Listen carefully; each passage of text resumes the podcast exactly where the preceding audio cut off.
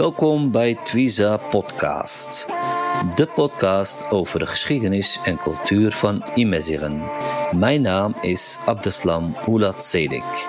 Wij gaan in gesprek met schrijvers, muzikanten, dichters, historici en andere cultuurmakers over de geschiedenis en cultuur van de Imeziren. Beste luisteraars, welkom terug bij de Twiza podcast, aflevering 12 inmiddels. Ehm, de Ramadan is, is eh, begonnen natuurlijk voor, eh, voor alle moslims. We zitten inmiddels al eh, over de een derde, als ik het goed heb. En het schiet al aardig op, de tijd vliegt. We hebben vandaag een bijzondere persoon als gast. In principe, zoals ik altijd zeg, zijn al onze gasten bijzonder. En uh, deze man heeft eigenlijk geen introductie nodig. Uh, het is uh, Mohammed Ben Zakour. Die gaat spreken over zijn boek Tien op een ezel. Berbers spreekwoordenboek. Mohammed is een bekende schrijver. Welkom, uh, Mohammed. Ja, dankjewel, Abdeslam. Fijn. Ik ken jouw podcast niet, moet ik eerlijk zeggen. Die andere afleveringen heb ik ook niet gezien. Dus het is voor mij helemaal nieuw uh, hoe je dit aanpakt. Maar ik vind het wel een heel mooi initiatief.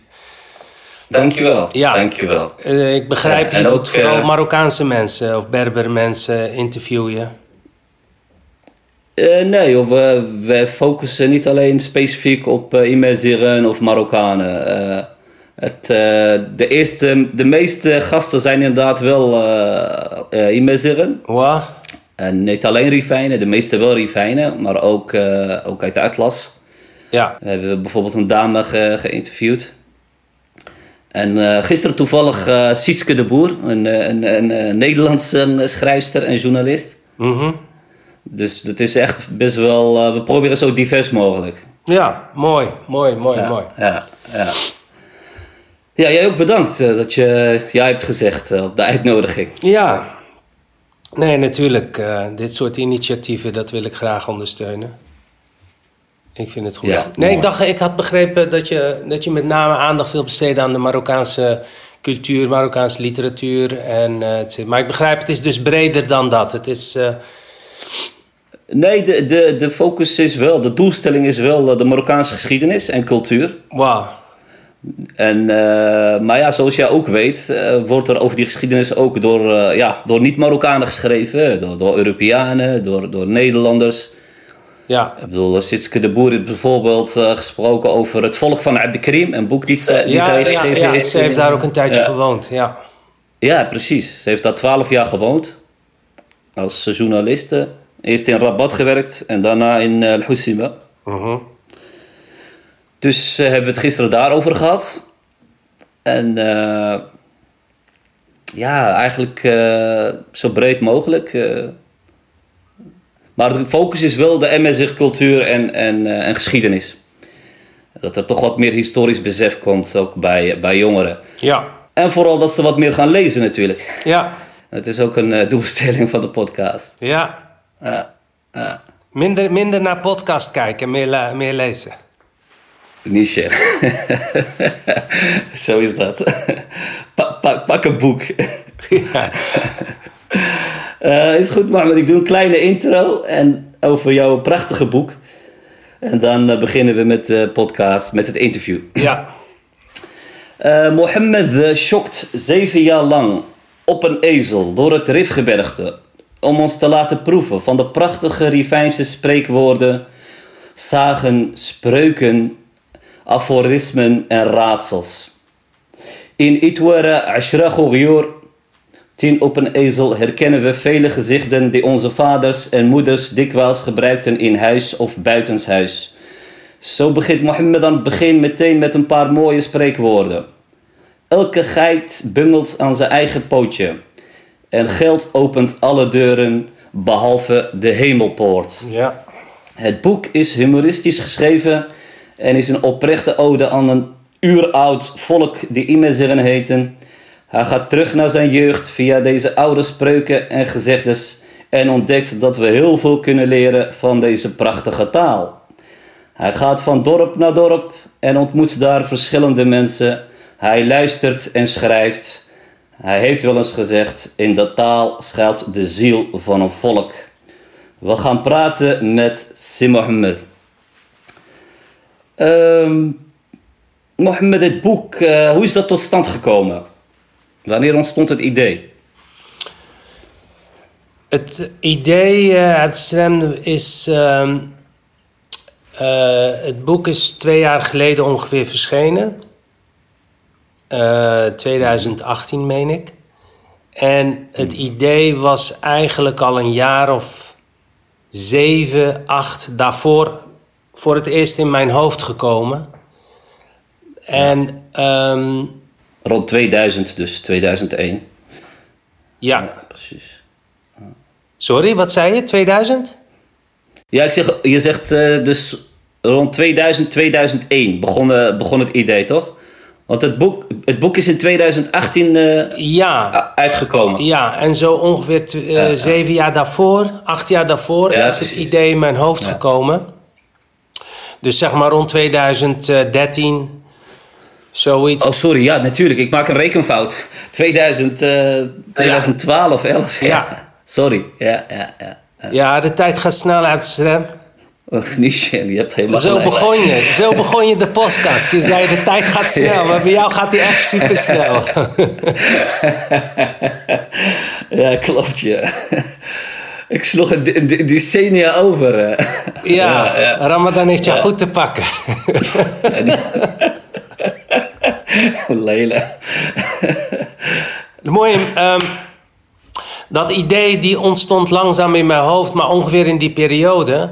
En ehm, eigenlijk was mijn moeder, de, de, de, als, eh, dat heb ik volgens mij ook gezegd in een, in een interview. En eh, mijn moeder, je weet nooit hoe een idee in je hoofd komt. Hè? Dat, kan, dat, dat, dat, dat is een, een, een proces. Maar wanneer precies. Maar ik weet zeker dat mijn moeder, die, die leeft nu niet meer. Eh, die heeft in 2010 eh, is zij getroffen door een eh, infarct, herseninfarct. Ik heb ook trouwens ook over haar een boek geschreven. Ja, een Maar- prachtig boek, Jimme. Jimma, wow. Daar heb je ook een prijs voor gewonnen. hè? Ja, ja. En mijn moeder, die is door die ziekte, is haar spraak verloren. Eh, verlamd en eh, ze kon niet meer praten. En dat besef dat mijn moeder niet meer kon praten... eh, heeft het idee, wat ik volgens mij al een beetje had... heeft het idee versterkt dat alles wat mijn moeder heeft in haar hoofd... haar kennis, haar taalschatten, haar verhalen... haar uitdrukkingen, gezegdes, spreekwoorden over het Berbers, in het Berbers, dat die nooit meer uit haar mond kunnen komen. Nooit meer. En dat ze- als zij begraven wordt, en zij is nu begraven, dat zij Ja. dat die hele bibliotheek die in haar hoofd zit, die neemt zij mee in het graf.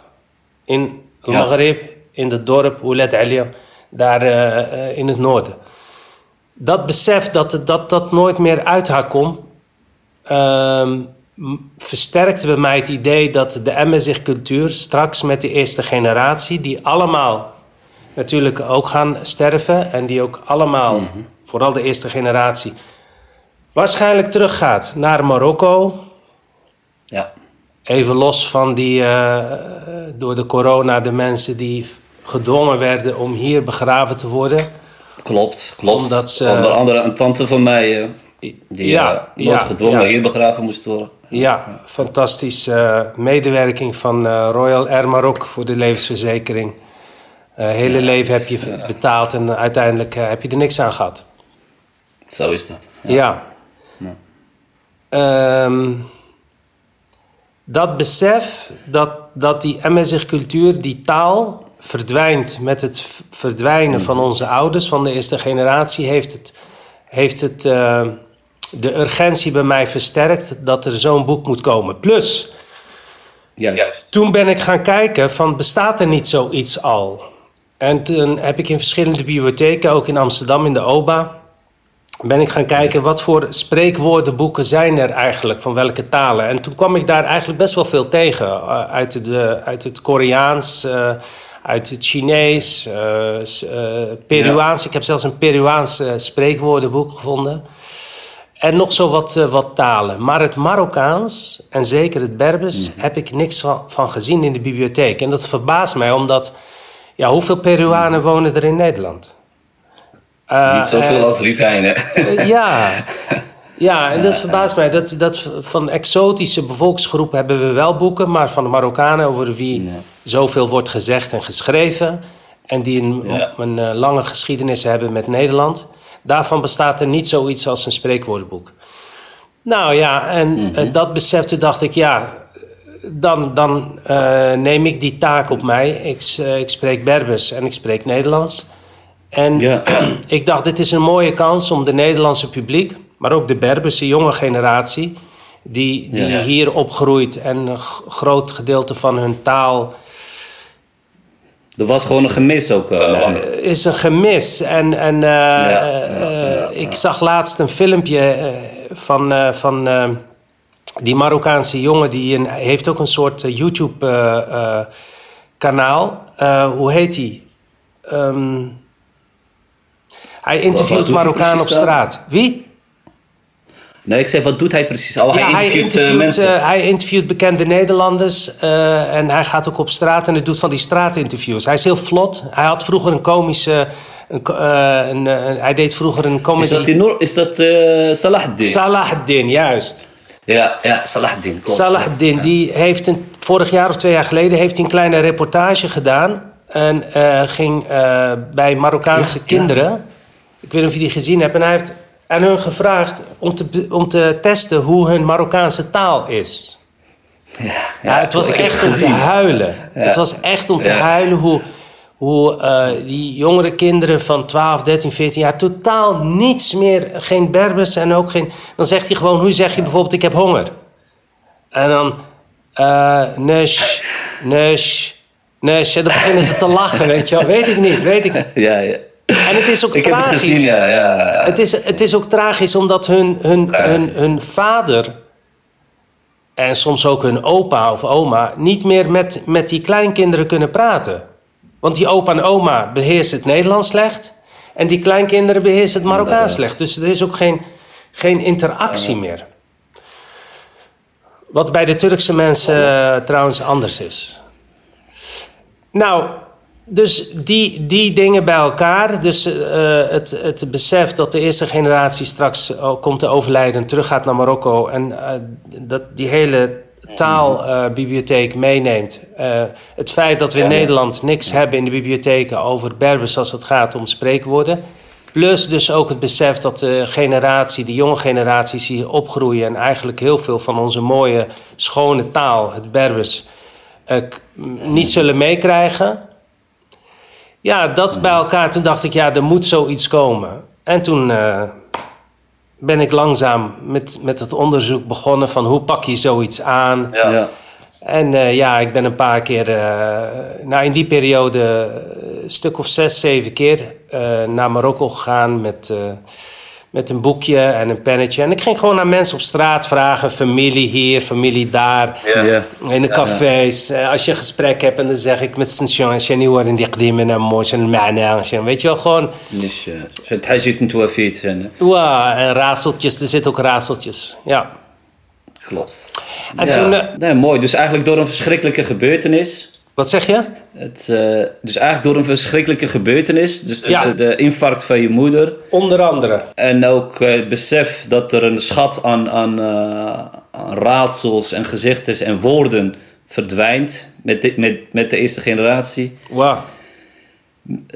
ben je eigenlijk richting Marokko gegaan en richting Arif. Ja. En kun je misschien dat schrijversproces uh, inderdaad, dat zou eigenlijk mijn volgende vraag zijn, beschrijven? Ja. Ja, dat, dat, is, dat is natuurlijk altijd het lastigste. Hè? Een idee is mooi, maar vervolgens hoe geef je dat idee vorm? Mm -hmm. um, en dus nou, in, eerste instantie ben ik gewoon, uh, wat ik zei, gaan vragen in mijn familiekring, in mijn broer. Ik heb ze ook allemaal genoemd. Hè. De mensen heb ik bedankt in het boek. Ach, klopt, achterin. Klopt. Dan zie je wat namen van mensen aan wie ik het meest heb gehad. mijn vader, mijn broer, maar ook familie in Marokko. En, en, en ook wat mensen hier in Nederland trouwens. Ja, ja. Ehm, ik ben gewoon gaan verzamelen. Verzamelen. Zonder enige structuur. Ik ben gewoon gaan rondvragen. Ik ben gaan uh, zoeken. Ik heb ook een paar uh, scripties en proefschriften die in het Frans zijn geschreven. Die heb ik ook op, uh, opgesnord. Die in het Frans zijn ja. geschreven. Ook mensen die gepromoveerd zijn, Marokkanen. Op, op Berber, dat bestaat wel, hè? dat is wel mooi. Er zijn twee proefschriften. van van promovendi, Marokkaanse promovendi, die mm -hmm. ge, gepromoveerd zijn op spreekwoorden uit het Berbers. Ook oh, daar heb ik geput. En, um, en vooral ook door mijn eigen veldwerk. Ik ben uh, in de ja. dorpjes daar bij mij, ik kon zie Beniboy. Uh, uh, ja, in de buurt van Ezrenren, hè? Wat zeg je? In de buurt van Ezrenren. Ezrenren, Ezrenren, ja, Allah, ja. Nummer 7, nummer 5, Farghana.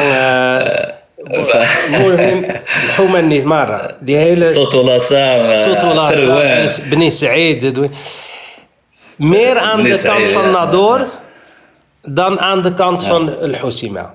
Ik ben niet zo ver gegaan tot El Hosima, maar meer aan, aan de kant van uh, Nador.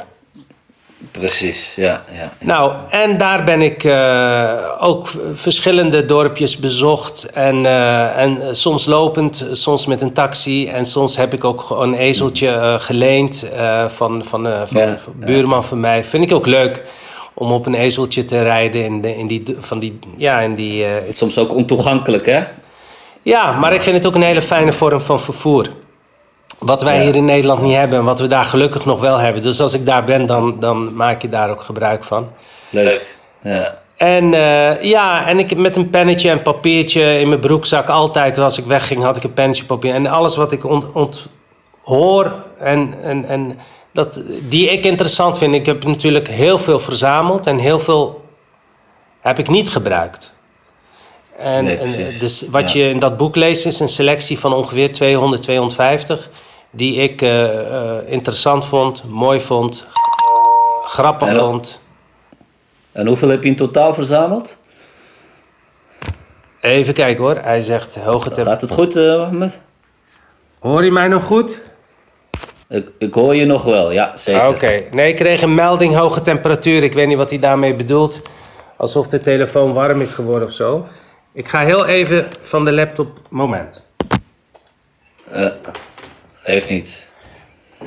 Mohammed vertelt net uh, hoe hij dus uh, naar al die dorp is gegaan. En ja. hoe, waren de, hoe waren de reacties van de meeste mensen, Mohammed? Um, nou, de meeste mensen, als je de, hen vraagt. Um, naar de spreekwoorden is, de, is vaak de eerste reactie: hè, wat bedoel je precies? Weet je wel? Eh, eh, want ja, ja, wij zeggen spreekwoorden, we hebben daar een goed Nederlands woord voor, of uitdrukkingen. Maar eh, mensen, zeker oude mensen die geen school hebben gehad, die, die gebruiken wel spreekwoorden. Iwan een ma'na, hoor ik in ma'na. We hebben daar niet echt een, een, een ja, een soort categorisering dat je meteen kan zeggen, ja, dit is een spreekwoord. Het wordt zo, ja, klopt. Het, het wordt zo makkelijk gebruikt in, de, in het Berbers dat ze er niet eens bewust van zijn dat het eigenlijk een spreekwoord is. Dus dan, wat doe je dan? Dan geef je gewoon een paar voorbeelden en dan... Ja. Ah, het wordt niet kader gewoon. Hé, wat moet je En dan komen, de, komen er allerlei uh, voorbeelden. Komen ze los. Ja, ja, ja. En, ja. nou, en op een gegeven moment uh, dacht ik van, uh, nou, ik heb wel heel veel. Ik heb soms ook trouwens een cassette recordertje gebruikt om, ja, om het op te nemen. Ja. ja. En dan thuis ga ik het uitschrijven. Ja. En toen dacht ik, nou, hoe ga je dat nou categoriseren? Als je heel veel spreekwoorden mm -hmm. hebt, dan moet je daar een soort... oh ja. ja hoofdstukindeling? Ga je hanteren? Ga je het doen aan de hand van um, uh, thema? Bijvoorbeeld vriendschap? Ja. Of doe je dat, uh, of de dood? Dat zijn thema's. Ja. of eh, de liefde? Ja. Of doe je dat aan de hand van eh, woorden die terugkomen in het spreekwoord zelf? Nou ja, dat was wel even een proces van hoe ga ik dit dan op een prettige, toegankelijke manier categoriseren, dat het voor iedereen eh, een beetje begrijpelijk is. Ja. En toen heb ik gekozen voor dieren.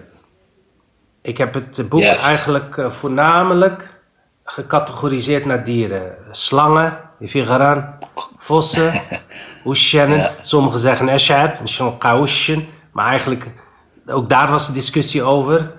الشعب هو الشعب يا يا. الشعب آه، والشن Eh, een soort wolf, hond, hond, wolf. En eshab Ja, is vos. Ja. Yazidun, of yazid, of riyad. Rat.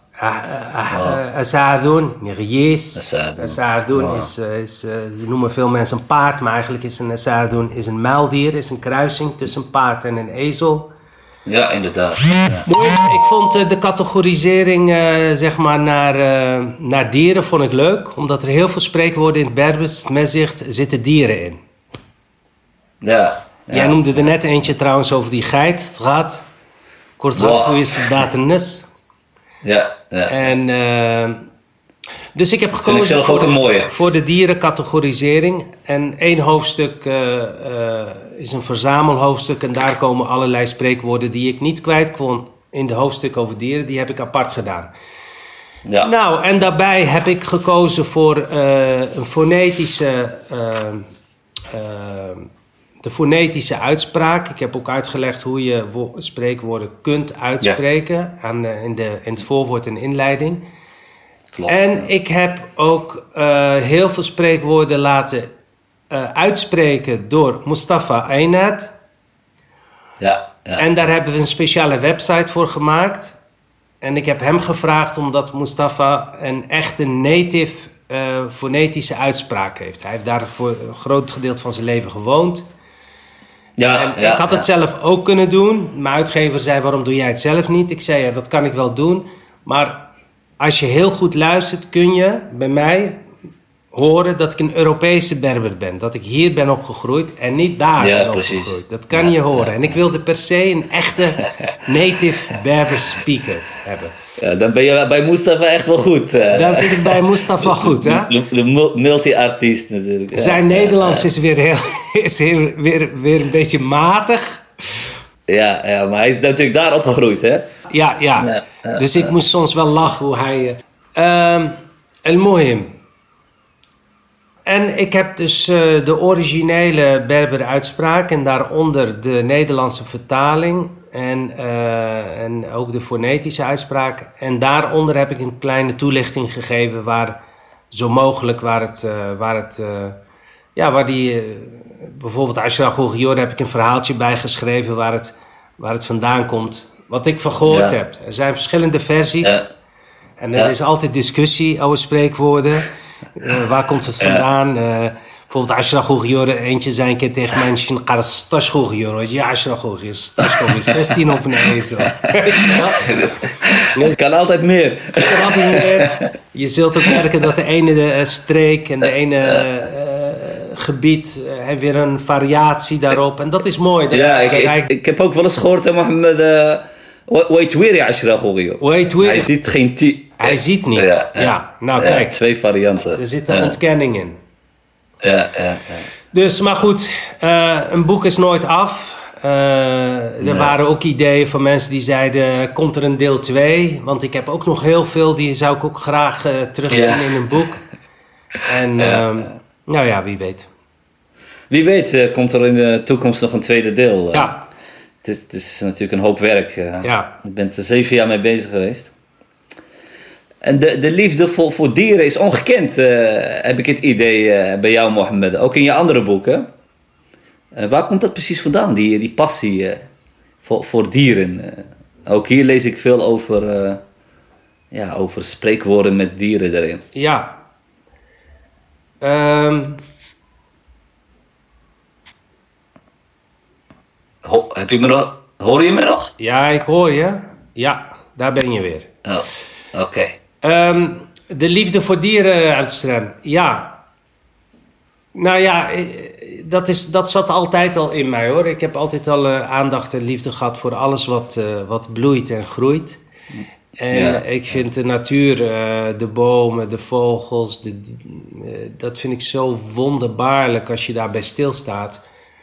Ehm, En ehm, ja, ik, ik, eh, ik ben ook imker, hè. ik heb ook bijen. Ik verzorg, Klopt. ik verzorg is wel waar. Ja. En ik heb ook, eh, ik vis ook. Ik schrijf ook over vissen voor de krant. Ja, klopt. Ja. En ja, dat is gek. Ik ben geen bioloog. Ik ben een socioloog. En Maar zat dat bedoel ik ook in jouw voorouders? Misschien jouw opa, die, Ja, die nou, ook grap- imker was in de, in de RIF. Ja, grappig dat je dat zegt, Amsterdam. Eh toen ik begon met eh, bijen, eh, dat is via een vriend van mij gekomen uit België. Die, die is imker en die heeft mij eigenlijk aangestoken om ook een volkje te gaan verzorgen. Toen ik begon met bijen had ik mijn eerste twee volkjes. En, ehm, en naderhand, toen was ik al een jaar aan het imkeren. Naderhand kwam ik erachter dat mijn opa, de vader van mijn moeder, ja. Dat hij ook imker was. Hij was. Oh, en dat heb ik nooit geweten. Dat, voordat ik begon met imker wist ik dat niet. Maar dat hoorde ik via mijn zus, die zei: Ga dat je zo. Weet ik, doe als stem. Hij was een Hij was, uh, de vader van mijn moeder was een, was een rufkeer. Dat is een imam, ja. Hij was een zo. Zo ik. Oh ja, nu praat ik in het Marokkaan. Hij, hij, gaat automatisch, hè? Ja, dat gaat automatisch. Moet ook voor de Nederlandstaligen moet het ook duidelijk zijn. Ja, precies. Dus mijn opa die was imam en die... Eh, die eh, ja, hoe zeg je dat? Uh, ja, die, die, die, die was imker. Ja. hij, hij, ah, ja, ja. Dus hij deed hmm. heel veel medicijnen, ook met honing. Want hij had ook bijen. ja, ja. Nou ja, dat is toevallig. Dat wist ik niet toen ik begon. Dus het, je zou kunnen zeggen, misschien zit het een beetje in de familie, zonder dat ik dat Ja. wist. Ja, dat is wel eh, bijzonder. eh, dat Ja. je daar achteraf achter komt. Ja, ja. Ja. Mooi. Maar ik vind, eh, ik vind het dieren. ik heb ook altijd een beetje een soort haat-liefde verhouding met Marokko als het gaat over dieren. Want wij, wij, dieren zijn bij ons veel meer aanwezig in het straatbeeld dan hier. Je ziet Ja. overal honden, je ziet katten, je ziet eh, eh, ezels. eh, een grotere rijkdom en ook bij mensen thuis. Maar tegelijkertijd Ja. gaan we niet altijd even, even lief om met onze. weet je wel, een hond is bijna een soort object klopt. om. eh, "Yo, was die als rohja?"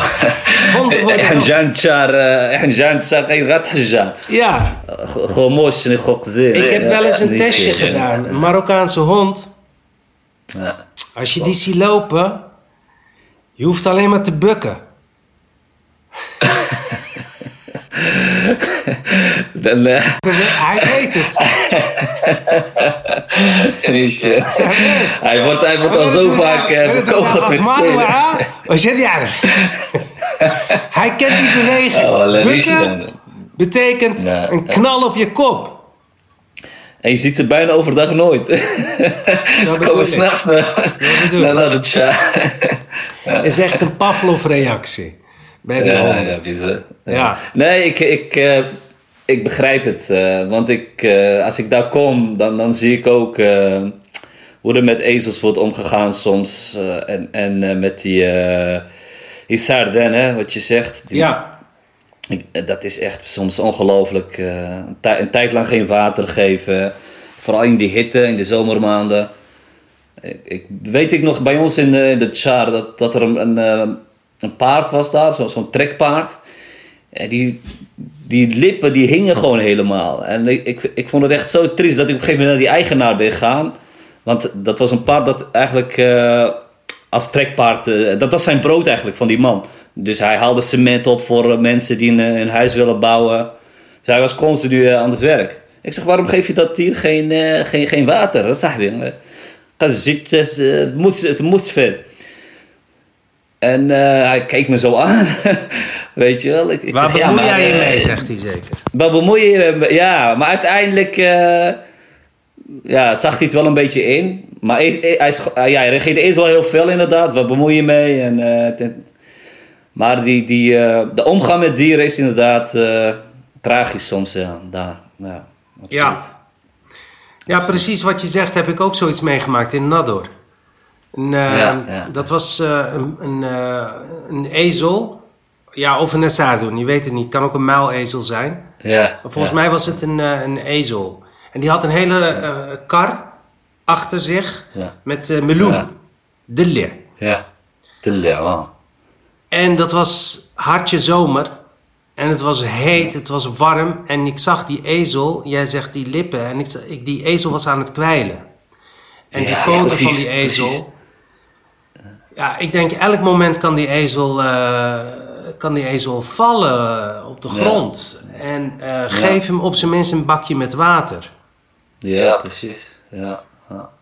En ik kon het niet aanzien. Ik zat aan de overkant in een café en ik zag dat, eh, hoe die ezel daar... eh, die had dan twee van die kleppen, want ja, mag ook heel Ja. erg zien, weet je wel.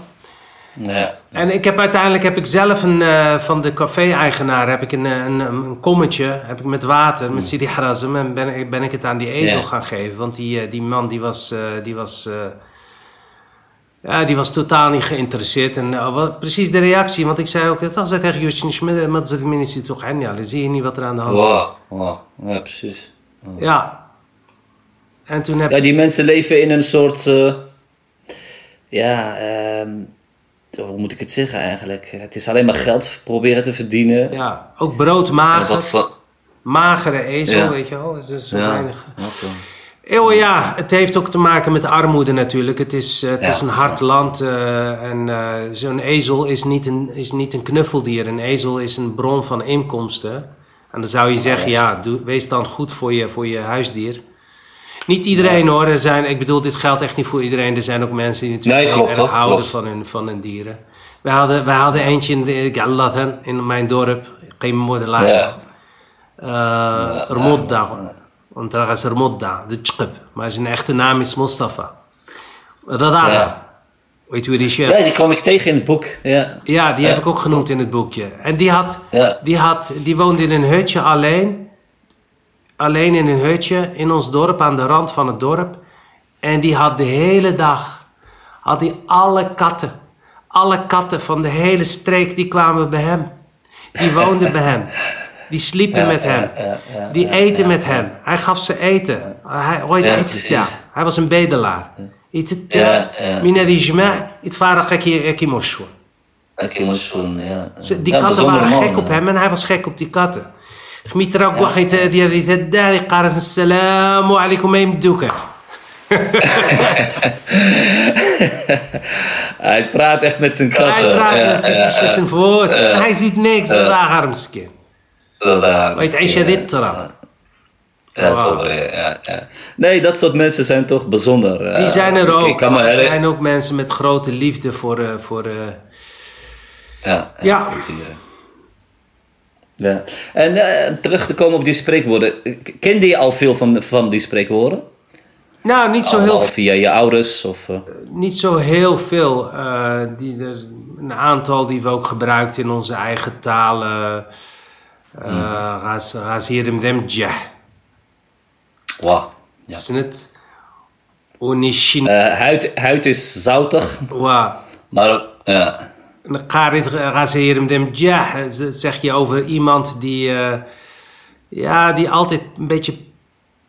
Ja, niet pech heeft. Iemand. eh, die, eh, die altijd de schuld krijgt. Of die. een beetje de. De pispaal. In Ja, ja, Nederlands. ja. Iemand die, die vaak ge- gepest wordt of, Ze moeten hem altijd hebben. of ongeluk trekt. Iemand die ongeluk trekt of ongeluk. والقرص غازير غازير مدمجة ايوا ونشين ونشين يا زيد عريش خوش الجيف Oftewel, eh, iemand die eh, kip heeft gegeten, die heeft veren op zijn hoofd. Ja. مرميت نقاق ما ديريش جني خصها يجي شنحاش خصها دي سنوفا ولكن شنحاش مرات بقيت. وزمات سنوفا يتباين بديت اخارق وتسمى اخارق بديت فا اما مش الشي الشي دي يزيد عريش خوش جيفت ماري وذن توارن عريش خوش جيفت وتسمع سني خوش شبو يزيد ja, ja. Nee, inderdaad. Uh, het zijn ook een paar mooie. ja, je hebt er heel veel. Ik, ik heb er van genoten. Heel veel mooie spreekwoorden.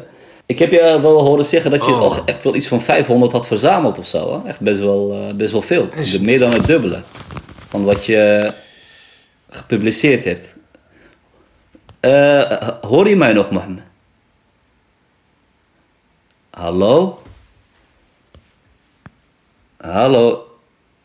Ja, helaas. Ik ga hem even stopzetten.